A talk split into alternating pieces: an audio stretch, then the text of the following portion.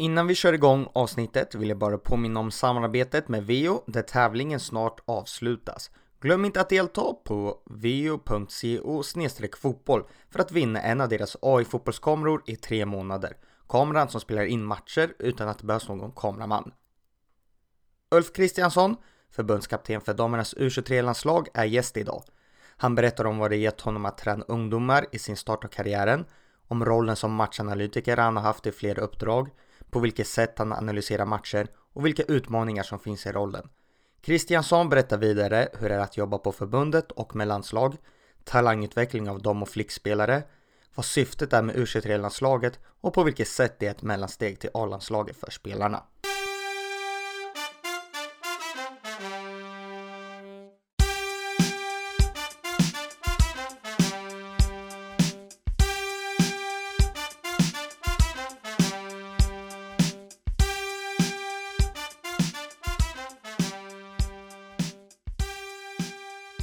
Varmt välkommen Ulf Kristiansson till Möt fotbollstränarna. Tack så mycket, kul att vara med.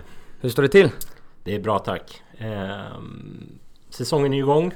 Lite träningsmatcher igång och sådär och solen sken i morse när jag åkte till jobbet så det börjar, börjar kännas kul att vara förbundskapten nu.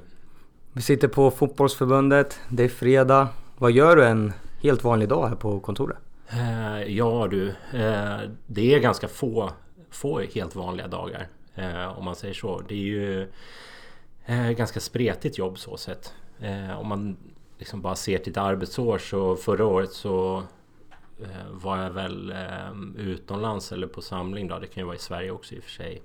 Ungefär 120-130 dagar. Så det är ju var, var tredje dag på året bara.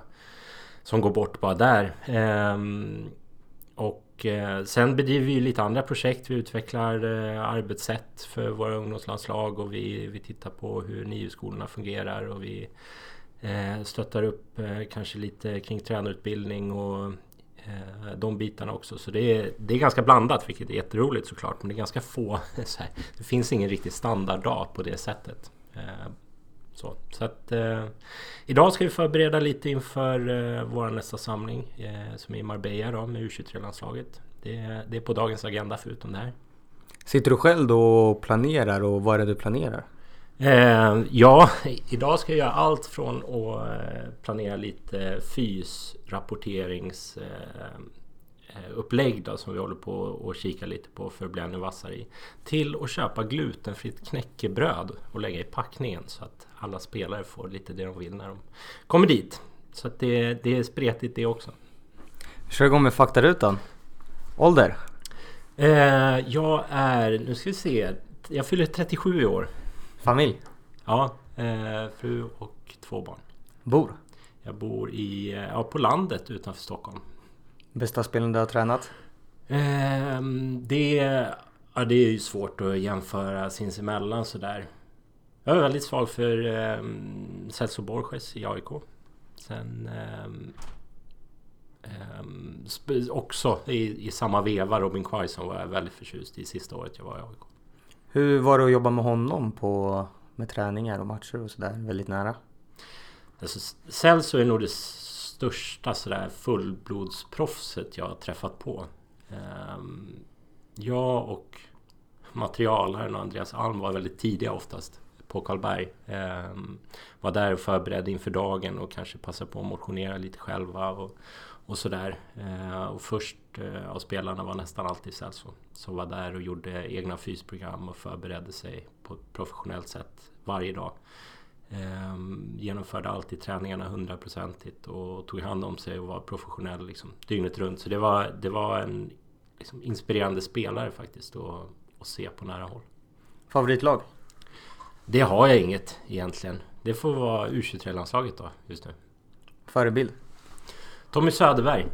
I sådana fall om jag ska nämna en tror jag. Han har inspirerat mig från jag var eh, väldigt mycket yngre än vad jag är nu i alla fall. Då. Eh, han var A-förbundskapten.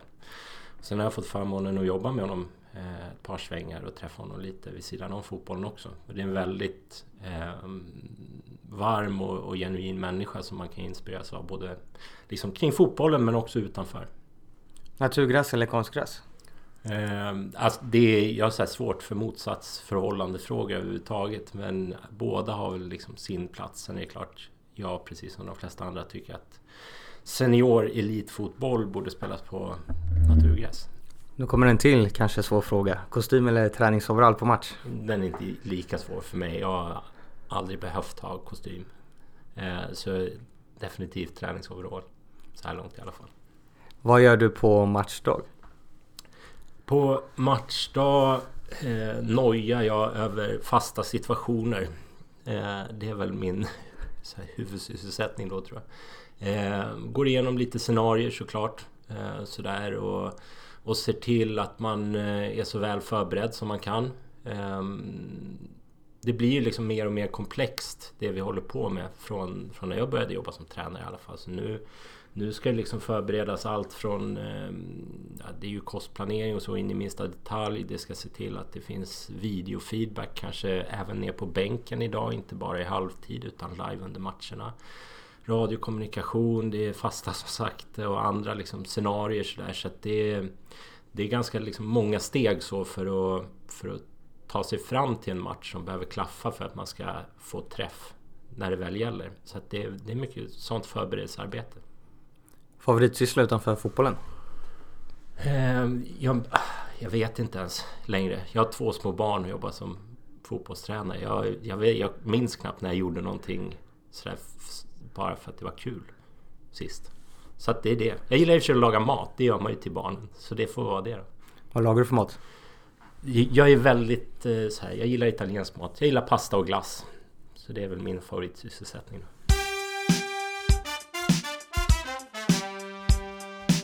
När inledde du din tränarkarriär? Eh, det gjorde jag. Vi sitter ju i Solna nu på förbundets lokaler. Det gjorde jag. Jag tror att det kan ha varit 2000 då, precis här utanför på Råstasjöns IP. Eh, som ungdomstränare i AIK. Eh, under tiden jag pluggade på gymnasiet. Så att, eh, då började jag jobba i, i AIK som ungdomstränare eh, på, på sjumannafotboll. Liksom. Så, sen dess har jag hållit på i en eller annan roll. Då. Det var ju ett par år som jag bara jobbade med matchanalys kan man väl säga och inte hade något, något lag så som tränare. Men, men sen dess har jag varit arbetat kring fotbollen på ett eller annat sätt. Hur gammal var du när du startade i AIK? Eh, då, det här med ålder då.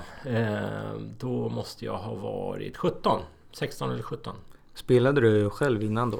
Ja, eh, alltså jag var ju jättedålig fotbollsspelare och skadedrabbad. Sådär. Så jag, jag gjorde ganska många knäoperationer runt där jag var 14, 15, 16. Och till slut så blev det liksom inget, inget roligt. Eh, och slutade spela några år där. Um, för det, det, funkade liksom inte. Även fast jag aldrig hade någon, någon, ambition om att bli elitspelare själv så tyckte jag det var väldigt kul att göra det fortfarande faktiskt. Jag tycker det är bland det roligaste som finns att spela men um, det, det, blev liksom ett ganska enkelt val. Varför valde du då att sen inleda din tränarkarriär? Vad var det som lockade dig att testa på det? Mm, ja, alltså, det är en svår fråga, svårare fråga än man tror sig. För jag var, jag var aldrig liksom inställd på att bli tränare. Eh, det var nog mycket slumpens skördar sådär. Att tyckte det var kul med fotboll. Eh, slutade idrotta, det var min enda idrott, fotboll då. Så att eh, eh, det blev nog naturligt och jag, jag, tror bara jag fick höra att AIK letade efter ungdomstränare. Så åkte jag upp till AIKs kansli och träffade Björn Westström och sen, sen hamnade jag i det. Och utan någon liksom vidare reflektion så har jag blivit kvar i det tror jag. Du har tränat en del ungdomslag tidigt i din karriär. Vad tror du det har gett dig att man får jobba med unga spelare? Det är ju alltså Det är svårt att säga. Det är ju det är otroligt nyttig erfarenhet såklart. Men, men jag tror den hade varit ännu nyttigare idag. Eh, man var ju otroligt liksom, ofärdig som tränare när man gjorde det.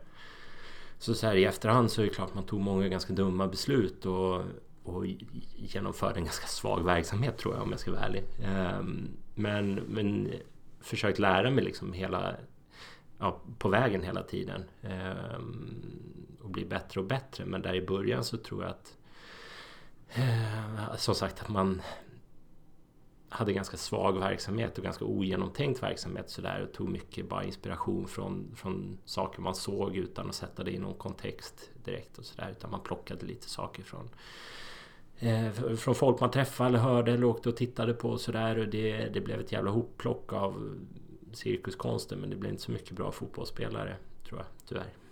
Men kan det vara en bra start liksom att man är ung, oerfaren och testa på olika grejer utan att... Jo, men det är klart att det är, det är klart att det är så. Sen blir man ju glad när man hör som AIK-satsning nu till exempel. Ehm, och många andra klubbar såklart att man tar liksom ungdomsfotbollen på lite större allvar kanske eller mer genomtänkt i det än vad man var då utan att säga att det var ogenomtänkt. Men sakerna går ju framåt och eh, upplever som att det är väldigt, väldigt mycket mer genomtänkt och bättre verksamhet nu eh, än vad det var då. Men det är klart att det, det var en otroligt nyttig erfarenhet för mig och det är ju så man måste göra. Man måste ju testa med allt. Vi pratade om din podcast här innan. Det är samma sak. Måste bara köra och se, se vart det tar en och lära sig under resans gång. Och så, så har det verkligen varit för mig. Du har också jobbat som matchanalytiker för lite olika uppdrag, bland annat i ÖSK, här på förbundet, mm. Nigerias herrlandslag. Mm. Och vad tycker du om den rollen? Den var ju framförallt otroligt nyttig. För mig blev det ju också... Ehm, det blev ju som liksom eh, steget in i elitfotbollen på riktigt för mig. Ehm, inte minst i ÖSK då, som vi, jag, jag, studerade ju på den här tränarutbildningen i Örebro på universitetet där och fick möjlighet att, att testa lite grejer i Örebro egentligen. Ehm, och hamnade där både med Patrick Walker och Urban Hammar som, som hade laget när, eh, under den perioden jag figurerade kring den verksamheten. Det var ju otroligt nyttig inblick för mig i hur elitverksamhet fungerar eh, men också precis som med tränarvärvet då, en, en chans att testa saker. Eh, och faktiskt redan då, jag kommer inte ihåg exakt när det här är nu men det kanske är 2000 fyra, fem så testade vi liksom på att ha video i halvtid där på Eiravallen tror jag det hette fortfarande då. Eh, och liksom gjorde lite olika upplägg för, för att se vad som bet bäst eh, både under och efter match. Och det var ju en jättenyttig erfarenhet för mig att testa på. Hur tycker du den här rollen då har utvecklats från att du var i ÖSK till att ha jobbat på med det på förbundet? Alltså rollen nu är ju på väg att, att hamna någon helt annanstans än vad den var då. Ehm, då var vi ju faktiskt, eller jag var väl ganska tidig in i det yrket liksom. Också mest på slump. Sådär. Och allmänt intresse kanske. Men eh, då handlade det ju mycket om att strukturera upp matcher, eh, se till att det fanns ett liksom bearbetningsbart material för, för tränarstaben att ta hand om. Eh, kanske hjälpa till med Ehm, lite enkel statistik sådär. Men, men där det håller på att hamna nu är ju någon form av multi-servicefunktion med både video och liksom live-funktioner. Man behöver vara extremt duktig fotbollstränare för att klara matchanalytikerrollen idag på ett bra sätt. Ehm, men sen har du liksom intåget av eh, ja, det som kallas Big Data. Då. Ehm, där vi har otroligt mycket information att ta hand om nu. Men ganska få som är eh, kompetenta nog att, att, ta hand om allting.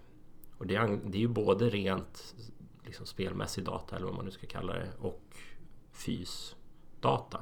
Som de två områdena håller på att integreras eh, mycket mer än vad det var då. Till att de nästan är oskiljbara förmodligen om ett tag. Så att eh, det är, en, det är en helt annan roll nu och du behöver ha mycket, mycket bredare kompetens för att klara av det här i alla fall inom några år tror jag. Hur viktigt tror du att man har ett bra samarbete mellan matchanalytikern och huvudtränaren? Det beror lite på vad man, vad man menar med viktigt. Jag var, jag var och träffade Hammarbys. De har heltidsanställt en matematiker eh, nu, vilket jag tycker är skithäftigt och, och lite i framkant så där måste man ge dem. Eh, men eh, han menade ju på när han pratade med sina kollegor runt om i Europa och det är den uppfattningen jag har också när vi åkte runt och träffade andra matchanalytiker i stora klubblag och sådär att eh, våran liksom eh, spets i Sverige och det tror jag fortfarande att det är, är närheten mellan analytiken och tränarstaben. Eller att det är en del av tränarstaben helt enkelt. Det, det liksom har vi identifierat här som, som den stora liksom spetsen eller eh, Eh, framgångsfaktorn för oss. För vi har absolut inte resurser att jämföra oss. Vi har inte resurser att jämföra oss med de stora länderna och klubbarna har inte eh, resurser att jämföra sig med de stora klubbarna i Europa. Men den liksom, kulturen i att det finns en närhet mellan servicefunktionerna eller vad man nu ska kalla det och tränarstaben. Den, är, den tror jag är oerhört viktig för vi får ut väldigt nära max av våra sådana roller tror jag. Eh, Medan det på många platser i Europa är helt stängda dörrar. Och eh, de här människorna får aldrig prata med varken tränare eller spelare. Och då får man ju förmodligen då eh, inte ut max i alla fall kanske av vad de där personerna sitter på för kompetens. När du jobbar som matchanalytiker, på vilket sätt kollar du på en match för att identifiera ett lags spelidé och arbetssätt? Eh, det där har ändrats lite över tid för mig. Men eh, man kan säga i, i grunden så behöver du ha någon form av eh, idé för hur du ska strukturera upp matchen. Om du bara försöker titta på en fotbollsmatch från A till Ö utan att ha någon form av kategorisering eller idé om hur du ska dela upp sakerna så kommer du kommer bli väldigt svårt. Sen är fotboll i en helhet och det är så mantra bland kollegor och eh, folk i branschen sådär att, att fotbollen är i helhet och allting hänger ihop och så. Det stämmer. Då behöver man också bli skicklig på, på att se hur de här olika delarna hänger ihop. Men utan att ha någon form av idé för vad du tittar efter i respektive skede av spelet så kommer du få problem. När du, om du försöker ta dig an en match. Och det är ju det liksom våra matchanalytiker eh, ägnar väldigt stor del av sin tid åt. Det är ju att liksom dela upp matcherna i eh, olika kategorier. Så att de själva och vi som tränare har ett lätt jobb att liksom analysera varje skede eller varje del i spelet som vi är intresserade av utan massa brus emellan som stör våran kognitiva förmåga egentligen då. Eh, utan man, man koncentrerar sig på att titta vad är det nu, det kanske är om vi bara är väldigt generella och säger att vi tittar på speluppbyggnaden.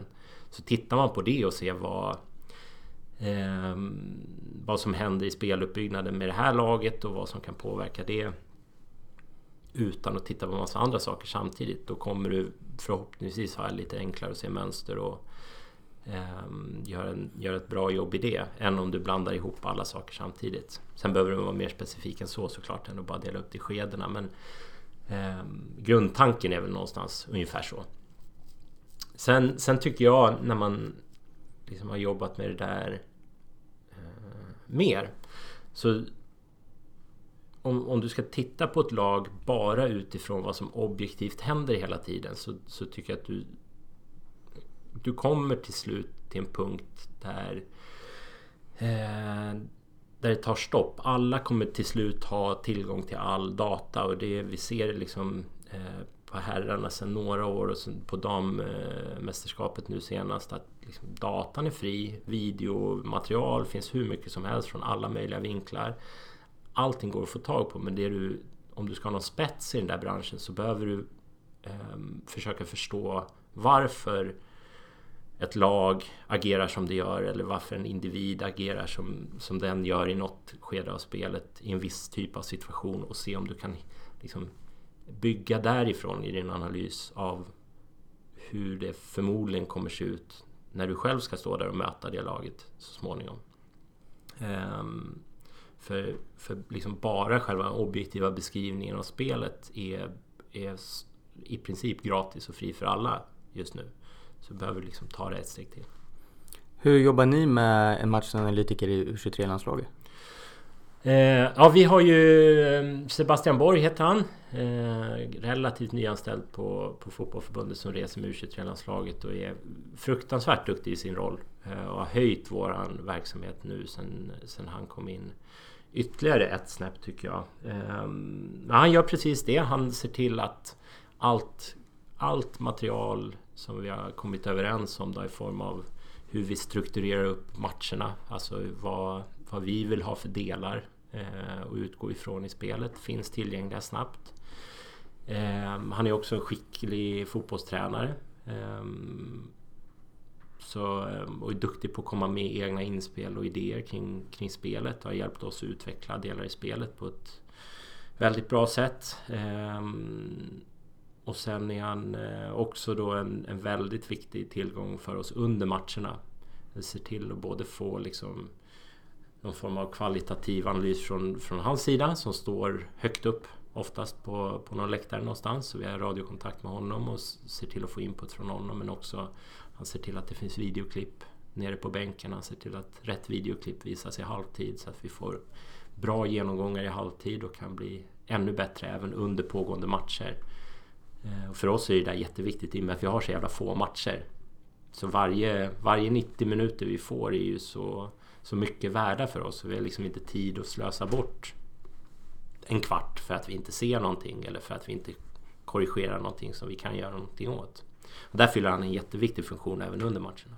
Vad är det då han kan se som han kommunicerar ner till er som ni väljer att göra en ändring till exempel? Eh, det, kan vara, det kan vara jättemånga saker men, men vi har ju vårat arbetssätt eh, som han är väl införstådd i. Eh, och då kan det ju vara så, vi är ju begränsade där vi eh, resten av tränarteamet finns i eh, ja, beroende på positionen vi är på. Vi har svårt att se djupförhållanden långt bort planen till exempel. Vi, eh, vi har ju inga repriser utan hans hjälp heller så att eh, han kan ju också Ehm, dubbelkolla en fast situation, se att eh, screenar vi rätt spelare, löper vi på rätt ytor och sådär. Ehm, kan vi flytta ner en eh, spelare lite i utgångspositionerna för att få den spelbar mer på grund av någonting motståndarna gör? Gör motståndarna något vi inte hade räknat med? Det finns massa sådana eh, inputs som, som han kan komma med uppifrån en bättre position som vi har lite svårare i alla fall och kommer vara långsammare på att uppfatta förmodligen. Du pratade lite innan om att han tar fram material som kan vara användbart för er i tränarstaben i, som du som huvudtränare. Mm. Vad kan det vara han tar fram då? Vi har ju en, de har ju ett arbetssätt som, som är mm, vad ska jag säga, samma ungefär för alla ungdomslandslag då, där, dit vi räknas in. Och då är det en, en struktur på hur man delar upp matcherna så att det blir lätt för mig att eh, ta mig an matchen när jag ska analysera vad som har hänt. Så jag, eh, jag får ju liksom, jag vet inte hur mycket det kan vara, men säkert 50-tal kategorier av saker som jag kan liksom dyka in i. Eh, och som Sebastian också gör såklart och, och hjälper, hjälper till att analysera. Eh, så det kan vara allt från eh, liksom positioneringen i hur vi, när vi närmar oss motståndarens straffområde. Hur, vilken ingång vi har i sista tredjedelen. Eh, ja, allt, allt möjligt egentligen som vi är i behov av så där för att göra en bra struktur. Och sen ovanpå den där fasta strukturen som vi har för alla lag så har vi även liksom små detaljer i vårt eget spel då, som, eh, som vi adderar ovanpå det som vi vet att vi just i U23 tycker är viktigt. Eh, och då plockar han ut de också såklart så att de är lättillgängliga och vi, vi kan verkligen grotta in i det som vi tycker är kanske allra viktigast för våran prestation. Du har jobbat med båda rollerna, att vara matchanalytiker och huvudtränare. Vad mm. tycker du om, förutom de uppenbara skillnaderna, hur ser du på de båda rollerna om man jämför dem? Jag, jag tycker ju det är roligare att vara tränare. Ehm, jag tror egentligen eller det, det är svårt för mig att säga, det får någon annan bedöma. Men jag, jag tänker att det passar mig bättre. Sådär. Eh, men eh, jag tycker det är roligare med eh, kanske den här direkta kontakt, mer direkt kontakt med spelarna. Jag, jag tycker det är rolig, eh, roligt att vara ute på plan. Eh, roligt att tänka igenom eh, träningsupplägg, planera inför det. Eh, och också liksom vara dynamisk i det och se till att man uppfyller sitt syfte hela tiden. Det är en, ganska, det är en jättekomplex roll eh, som jag trivs väldigt bra i. Eh, så de delarna uppskattar jag väldigt mycket som man kanske inte får lika mycket i matchanalysrollen. Där får man ju kanske ännu mer tid då och vara liksom väldigt, väldigt noggrann och specifik i små taktiska detaljer sådär. Mm tillsammans med resten av tränarteamet. Men det är kanske den personen som när man har identifierat ett problem eller ett utvecklingsområde eller någonting man är väldigt bra på får verkligen tid att grotta och leta detaljer och, och komma med ytterligare input. Och det är ju otroligt utvecklande. Så att, eh, det finns fördelar med det också såklart. Vilka utmaningar finns i de båda rollerna? Eh, jag tror om man börjar med analys eller analytikerrollen så är det ju en stor utmaning att på något sätt hitta sin plats i ett ledarteam på ett bra sätt. Ehm, det tror jag blir lättare och lättare, eller jag hoppas det för att ehm, vi vänjer oss liksom som fotbollsnation med att ha lite större staber och fler personer som, man, eh, som är duktiga och kompetenta och som man behöver ta in input ifrån. Men det är fortfarande så att det är framförallt huvudtränaren men resten av tränarteamets liksom approach, kommunikation, retorik kring, kring hur man eh, framför åsikter och så här påverkar väldigt mycket hur ja, lägre eh, roller i teamet får möjlighet att framföra sina tankar och åsikter och sådär. Så där finns en utmaning, tro, eller har jag upplevt i alla fall, att liksom verkligen få ut max av sin egen roll. För det är väldigt, alltså de, de som jobbar här är ju uteslutande väldigt, väldigt kompetenta människor. Eh, som vi behöver få ut max av. Eh, och det är ju upp till oss som är förbundskaptener men det är också upp till dem att liksom hitta ett sätt att eh, ja, ett, en plats i teamet och ett sätt att kommunicera så man verkligen får ut max av det området. Och det, det upplevde jag som en utmaning i den rollen. Tränarteamet blir ju omvänt då. Det är ju att få ut max av folk. Det är ju mest det det handlar om, både spelare och ledare. Eh, man kanske funderar mer, lägger mer tankekraft på spelarna. Men eh, till exempel en sån fråga då. Och det gäller ju massa andra roller. Allt från koordinatorer och sådär, men till målvaktstränare och till analytiker. De ska också få ut max för att det ska bli max av totalen. Så det är ju en jätteutmaning såklart. Här på Svenska Fotbollförbundet har du haft lite olika roller. Alltifrån assisterande förbundskapten i F19-landslaget och nu är du förbundskapten för U23 dam. Mm. Hur är det att jobba här på förbundet och med landslag? Eh, ja, det, är en, det är ju en väldigt så dynamisk arbetsplats. Man har otroligt mycket duktiga kollegor. Det är väl den största här, fördelen gentemot en klubb där man kan ha väl så kompetenta kollegor men de är ju färre sådär. Här är ju, här är ju så många. Allt från de som jobbar med herr och damlandslagen ända ner till eh, POF 15 och så har du en hel tränarutbildningsavdelning fylld med folk som är, tänker på spelet och träning och sådär dygnet runt. Så det finns ju så otroligt mycket input och, och kompetent, eh, kompetenta kollegor att diskutera med och som alla hela tiden är ute och träffar folk och letar efter nya uppslag och idéer och sådär. Så att det är ju det är väl det jag uppskattar mest kanske med att jobba här. Att det är, det är dynamiskt på det sättet. Baksidan är ju att, att det är färre timmar att liksom få ut all den där eh, inspirationen på. Hur tycker du att talangutveckling ser ut på dam och flicksidan i Sverige? Alltså det, ja, det är en jättefråga såklart. Vi, eh, det, det, finns ju ett problem med att, att de eh, utvecklingsmiljöerna som finns på, på flicksidan då, om vi ska prata det är liksom sämre än vad de är på pojksidan. Det är ju, det är vad det är tyvärr. Ehm, färre resurser, lägre utbildade tränare. Om vi pratar genomsnitt, det är klart att det finns otroligt kompetenta och duktiga drivna människor som jobbar på flicksidan. Men de är färre och liksom genomsnittet blir lägre. Eh, och miljöerna är sämre och vi... Ehm, det brottas vi lite med, särskilt, inte minst nu när resten av Europa trycker på gasen lite på flicksidan så ser vi ju ganska snabbt att eh, vi från en position där vi eh, har vunnit medaljer och vi har gått till slutspel och vi har kanske ja, varit en av de bättre nationerna i Europa. Ganska snabbt halkar lite efter just nu, tyvärr tror jag att det, det kommer vara så ett par år. Ehm, och inte beroende på att vi gör så mycket saker sämre egentligen utan för att många gör väldigt mycket saker bättre på andra ställen. Och då kommer det vara så ett tag. Ehm, och den stora utmaningen är att få liksom, miljöerna där spelarna vistas dagligen vassare. Akademimiljöerna, Ehm, liksom var är spelarna från att de kanske är 13, 14 till 16, 17 någonstans där. De miljöerna är inte kanske bra nog. Eh, NIU-verksamheten tror jag det finns eh, otrolig potential i på, på flicksidan. På pojksidan är det ju liksom standard att det är mm, liksom deras tränare som är tränare på NIU. Eh, Medan på, på damsidan så kan det ju vara någon annan eller det är damlagets tränare eller sådär. Det är lite mer distans till den verksamheten man är i. Eh, ja, I sin lagtillhörighet då.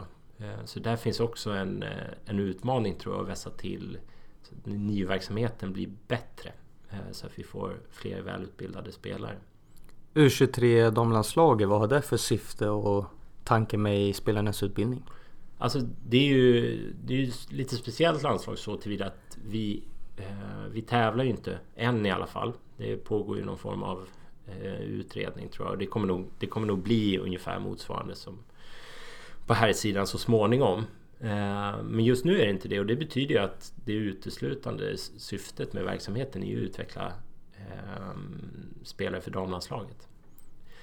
Ehm, det, det är ju ett glapp mellan F19 då, som är det äldsta tävlingslandslaget och A-landslagen som många länder i Europa faktiskt har, har poängterat i mästerskapsrapporter här på sistone att, att det är lite för stort glapp nu och ju bättre damsidan blir desto större blir glappet mellan F19 och damerna. Så det är många länder i Europa nu som, som eh, har identifierat det här och, och försöker på ett eller annat sätt skapa verksamhet i det glappet. Eh, och där tycker väl vi eh, då, om man ska vara positiv till någonting, att vi har en ganska bra position. Att vi har haft verksamhet där länge och erfarna liksom, eh, kring, kring det, den ålderskategorin och har ett sätt och en idé för att slussa upp spelarna till damlandslaget. Eh, så det, det är syftet. Har ni ett liknande arbetssätt med A-landslaget för att man ska förenkla steget? Mm, det har vi. Vi har ju väldigt nära samarbete. Så det är, det är inte varje match som kommer se exakt likadan ut som damlandslaget men det är väldigt, väldigt nära. Tanken är ju att vara så specifikt det går att eh, har, du en, har du en forward hos oss ehm, eh, som sen kommer upp till damlandslaget. Då ska hon ha spelat i den rollen, fått höra ungefär samma instruktioner, eh, veta vad den rollen innebär så att hon snabbt kommer in och kan spela en damlandskamp eh, och få liksom så låg tröskel in där som möjligt. Så att man tar bort liksom den aspekten av det. Sen är det ju en höjning i tempo, nivå, kvalitet, allt vad det nu är såklart. Men vi gör allt för att liksom göra det steget så kort som möjligt. Ja, precis som du nämner att det blir ju lite ett mellansteg och det finns ju flera spelare som nu tillhör A-landslaget som har varit hos er i U23. Mm. Har de på något sätt pratat om hur viktigt det var att ha det här mellansteget hos er? Eh, det, det, kanske de har. Jag, jag, har inte jättemycket av den typen av diskussioner. Jag tror, jag tror faktiskt att vi eh, vad ska jag säga, har hjälpts åt både från A-sidan då F19 och vi själva mittemellan, och förbereda spelarna på ett ganska bra sätt.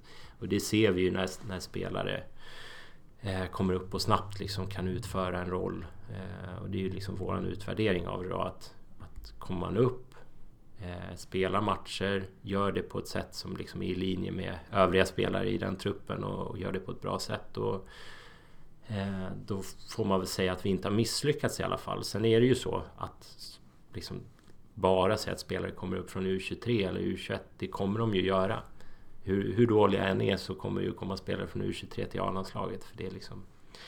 Eh, det, då ska man sabba till det ordentligt för att liksom hindra det. Men vi kan förhoppningsvis hjälpa till lite på vägen och göra steget lite kortare, spelarnas resa dit lite bättre. Liksom sådär.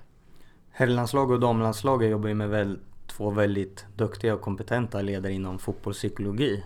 Jobbar ni någonting med det i U23-landslaget? Mm, vi, har, vi har faktiskt eh, inför, vad blir det nu då? Inför 2018 så, så hade vi det som en stor liksom så här, Ehm, ett stort utvecklingsområde som jag tyckte var väldigt viktigt om vi ska efterlikna de, framförallt damerna då för oss, men, men det arbetssättet som är inom båda våra representationslandslag nu så, så är idrottspsykologin viktig.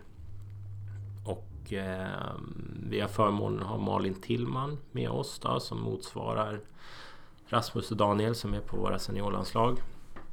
Eh, de har ett väldigt nära samarbete alla tre egentligen men framförallt Rasmus då som är i damerna och, eh, och Malin. Eh, så vi, vi speglar egentligen deras upplägg i stora drag och jobbar med samma saker också. Det är samma tänk där för att det ska finnas en igenkänning och liksom steget in i damerna ska bli så lätt som möjligt. Och jag upplever att det, det har varit en liksom av de stora framgångsfaktorerna för oss är Malins jobb då, tillsammans med resten av ledarteamet. Men den delen leder ju hon, eller vad jag ska säga, och pekar ut riktningen för eh, på ett väldigt, väldigt bra sätt. Så det, det jobbar vi mycket med, skulle jag säga. Hur viktigt är det att du som huvudtränare står längst fram och lite också pekar riktningen? I den frågan menar du? Mm. Eh, jätteviktigt tror jag. Alltså... Eh, jag som person är ju så himla obekväm med att vara någon form av frontfigur för någonting egentligen. Men ska, ska den typen av insatser eh, eller egentligen allas spetskompetens komma fram så är det viktigt att man eh, ger förtroende och visar uppskattning för, för kompetens men också liksom områdets vikt. Och det tror jag faktiskt att vi gör ganska bra. Hela ledarteamet, inte minst vad gäller idrottspsykologin, har vi lagt väldigt mycket energi på att poängtera vikten av. Och jag, jag upplever, det måste jag säga, att om det är någon grej jag tror vi gör bra för de här spelarna i steget upp till damlandslaget så är det den biten. Ehm, de, de, får väldigt, väldigt bra fortbildning av Malin tillsammans med oss. Ehm, vi är konsekventa med hur vi jobbar med det. Eh, alltså i träning, i match, i eh, samlingar så är det finns alltid med i bakgrunden. Eh, vi utgår alltid från hur vi kommunicerar och ger feedback och så utifrån de sakerna vi, eh, vi har kommit överens om med Malin och jobbar med. Så att det genomsyrar hela arbetet på, på ett väldigt bra sätt tycker jag. När ni ska ta ut trupper till landslaget, hur, vad är det ni bedömer spelarna på? Kan det vara en spelare som är den äldsta i kategorin och kanske lite vassare eller ska man välja en spelare som är lite yngre men som är ganska nära den som är äldre? Mm. Om du förstår vad jag menar? Mm, jag förstår vad du menar. Alltså det är ju, super, det är ju komplext som, precis som för alla. Det är ju så himla många faktorer att, att ta hänsyn till när man tar ut en trupp. För, för oss eh, står det ju liksom längst upp på listan är ju A-landslaget. Så vi måste ju... Vårat jobb är ju att till, liksom, se till att det finns spelare underifrån. Så om någon pajar eller någon blir sjuk eller eh, någon väljer att sluta här i damlandslaget. Då måste vi se till att den absolut bästa eh, nästa spelare på tur då, är så väl förberedd som möjligt. Så det är ju etta på listan för oss att liksom se till att det blir så. Ehm, på, på gott och ont, eller egentligen mest på ont, så har vi inte det problemet så himla ofta. Ehm, man skulle ju önska, och man kanske tänker och U23 det spänner över ganska många årskullar som vi kan ta ut spelare ifrån. Eh, men om du skulle börja rannsaka det här så har vi inte eh, särskilt många spelare i de här årskullarna, tyvärr. Utan det är ju... Eh, vi, vi är ganska tunna liksom, eh, i antal spelare som faktiskt spelar på elitnivå. Eh, det är ju det är ju ett problem för oss både i antal i stort men också av de som faktiskt finns i elitverksamheter. Eh, så vi gjorde en uträkning efter, efter förra året här. Så under 2018 och 2019 så tror jag, nu har jag inte de siffrorna framför mig, men av de liksom spelarna som vi har på någon form av bruttolista alla de som rimligtvis kan vara aktuella för ett U23-landslag så ungefär 25 procent av dem spelar knappt några matcher i sina klubblag. Eh, de kanske har spelat om det är runt 15 matcher på två år. Eh, och de som har spelat allra minst kanske inte har gjort mer än en eller två, tre fulla matcher på två år. Eh, då är det någon träningsmatch eller någon kuppmatch och sådär man får spela i. Och det är spelare som är aktuella för vårt näst högsta landslag. Så där, det är ju också en jätteutmaning för, för oss men också eh, klubbarna såklart att vi, vi måste se till att ta om hand eh, alla duktiga spelare och se till att de fortsätter spela och får speltid på ett eller annat sätt. Vad kan en lösning vara då?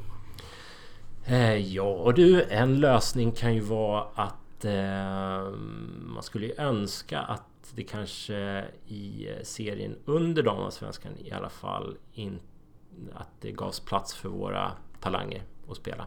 Vilket är en utveckling eh, som ser lite bättre ut nu på sistone och Eh, många klubbar har väldigt föredömlig verksamhet så men det är spretigt. Eh, och det, det, kommer också in importer och det har varit diskussioner om eh, hur man väljer att betala de här spelarna som kommer utomlands ifrån också och sådär. Och de är ju definitivt inte till gagn för liksom svensk fotboll långsiktigt. Eh, medan vi har som jag bedömer liksom stora talanger som skulle kunna vara eh, ska man inte använda begreppet så kanske men spelare som skulle kunna hamna i vårt damlandslag som gör inga matcher på ett år.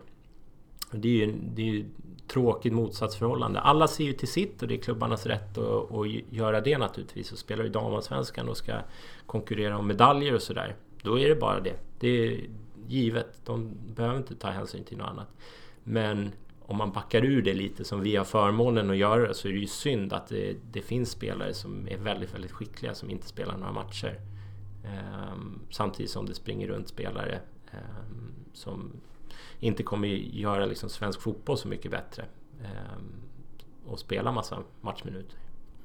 När vi pratade inför podden så pratade vi lite om hur du bedömer spelare och aktioner. Kan du inte berätta lite om, om det här? Um, jo, absolut. Det, det hänger ihop lite med mm, det vi pratar om mm, när vi pratar om analys och motståndarbevakning och sådär. för mig är det viktigt, eh, inte minst när det gäller ens egna spelare då, eh, i den verksamheten man har, att man har någon form av riktning på eh, vart man är på väg med den här spelaren. Vad, vad är utvecklingsområdena man, man jobbar med? Vad, vad är liksom den värderade riktningen då som psykologerna väljer att benämna det. Och att man förhåller sig till det även liksom hela vägen ner till när, när du bedömer en enskild aktion. Så att normalt sett om du tänker på hur du bedömer en, en fotbollsaktion så har ju det här position, riktning, timing, fart är ju en sån mantra som man kan bedöma en, en aktion i på, med all rätt såklart. Eh, men om du ska eh, också ha någon form av riktning i utveckling så tycker jag, liksom min take på det är att du behöver lägga till någonting till det där.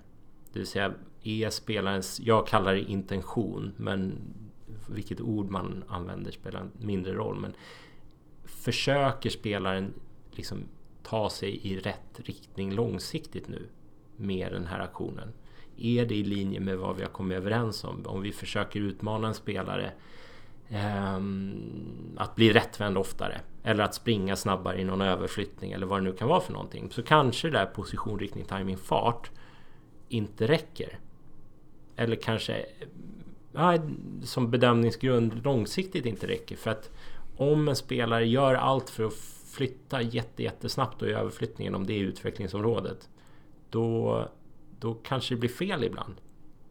Hon eller han försöker göra det eh, men springer alldeles för fort eller för långt för att man är lite överambitiös i det där. Men intentionen i det var väldigt god för att det kommer ta den här spelaren längre på sikt. Och det, jag tycker att det är en väldigt, väldigt viktig liksom, bedömningsdel i eh, när, när, du tittar på en fotbollsaktion. Att är vi på väg åt rätt håll nu? Kommer det här beteendet göra oss som lag bättre över tid? Kommer det, eh, eller blir det bara en bedömning för stunden att nu råkar hon flytta över lite för långt eller nu råkade han eh, ja, inte bli rättvänd här men han spelade bollen i sidled och vi behöll bollen och det kan se ganska bra ut ändå. Fast på sikt, över tid, så är det bättre att han försöker vända upp där även fast det är lite för trångt eller vad det nu kan vara för någonting. För att över tid kommer det bli bra för oss. Eh, den, det liksom tillägget tror jag är viktigt och det är, det är ju lätt för mig att säga då som jobbar i, ehm, i en verksamhet nu som inte har några så omedelbara resultatkrav på sig på det sättet. Eh, så vi kan ju egentligen verkligen alltid eh, utgå därifrån. Eh, men jag tror att man överlag mår bra av att lägga till liksom det tankesättet lite grann. Tror du att det är många som missar att tänka på just intentionen? Ja, men ja, det gör jag hela tiden också. Så det, jag hoppas att jag inte är ensam om det. Men um, för att det, det, är så himla lätt i stunden. Att man, man tycker att eh, fan, vad, fan vad skönt att målvakten drog en lång nu istället. Vi har pratat om att vi ska liksom bli bättre i vår speluppbyggnad och spela igång kort och målvakten kanske har det som utvecklingsområde, backlinjen kanske har det som utvecklingsområde. Men du vill ändå inte torska matchen där och då ju. Och det är klart att då, då är det jävligt skönt att smälla iväg bollen. Det tycker ju jag också. Men om, om vi tror att över tid vi kommer bli bättre på eh, att vinna fotbollsmatcher eller utveckla spelarna Eh, med att spela igång bollen på ett annat sätt. Då kanske vi ska göra det även när det känns lite obekvämt ibland och, och försöka va, leva med att det känns obekvämt och göra den grejen så bra som möjligt istället. Sen så alla sådana exempel blir lite, vad ska jag säga, eh, det blir så platt när man säger så för det låter alltid som att så här, då kan man aldrig sätta iväg bollen långt eller då kan, det är inte så. Då har man formulerat sin spelidé eller sitt arbetssätt ganska dåligt. Men ehm, att man liksom positionerar sig för att kunna göra det och väljer det bästa alternativet därifrån. Det är nog ett, ett bra sätt att, att gå tillväga alltid. Istället för att bara bli skraj och smälla iväg bollen. Ungefär så. Senast du var i ett klubblag var i AIKs herrar. Hur var den perioden? Mm, det var ju jätteutvecklande för mig. Jag, jag, var ju en kort sväng där runt ÖSK men jag var inte del i ledarteamet på det sättet där. Ehm, sen har jag varit på förbundet men, och liksom tränat lag i lägre divisioner och sådär men, men aldrig varit i en riktig elitmiljö Eh, på det sättet. Eh, så, så det var ju otroligt utvecklande för mig. Ehm, på alla möjliga sätt. Jobba med väldigt kompetenta människor nära dygnet runt mer eller mindre. Ehm, så jag lärde mig väldigt mycket av det. Det är ett annat, annat typ av liksom, en annan typ av verksamhet i form av mediatryck och, och liksom hur engagemang kanske än vad såklart kring laget än vad, vad vi upplever här. Möjligtvis undantaget herrarna och damerna. Så att eh, jätteutvecklande miljö att vara i såklart. Saknar du att jobba med den här dagliga verksamheten med träning varje förmiddag? Mm, ja men Alltså absolut, och det, det är väl den stora här, frustrationen som jag tror alla håller överens om. Eller alla är överens om i, i det här huset. Att vi är mycket liksom kompetent, kompetenta kollegor, eh, inspiration, massa input och så här, men vi har så få timmar på planen ändå trots allt. Och få ut det. Så att eh, på det sättet så saknar man det ju definitivt. I framtiden är du sugen på att träna ett klubblag? Ja, alltså jag, jag, jag har faktiskt varit här nästan längst tror jag av ungdomsförbundskaptenerna nu. Jag har jobbat flest år här. Så till, alltså det är väl rimligt att det är nära förestående att jag inte får vara kvar här. Så att då behöver jag ju träna ett klubblag om inte annat. Vilken tränare skulle du vilja lyssna på i podden? Um, det borde jag tänkt. Det vet jag ju att du brukar fråga. Um, jag tycker Per Lagerström, min kollega här, är mest kreativa människan jag har träffat som också jobbar som tränare. Tror jag. Eh, annorlunda take på mycket inom, inom fotbollen och väldigt, väldigt kreativ. Så han är spännande att lyssna på tror jag, om man hittar rätt samtalsämnen. Ehm, Fran Peralta, Hammarby, matematikern jag pratade om tidigare. Honom borde du prata med. Ehm, otroligt intressant vad de gör och framförallt tror jag kommer göra här framöver.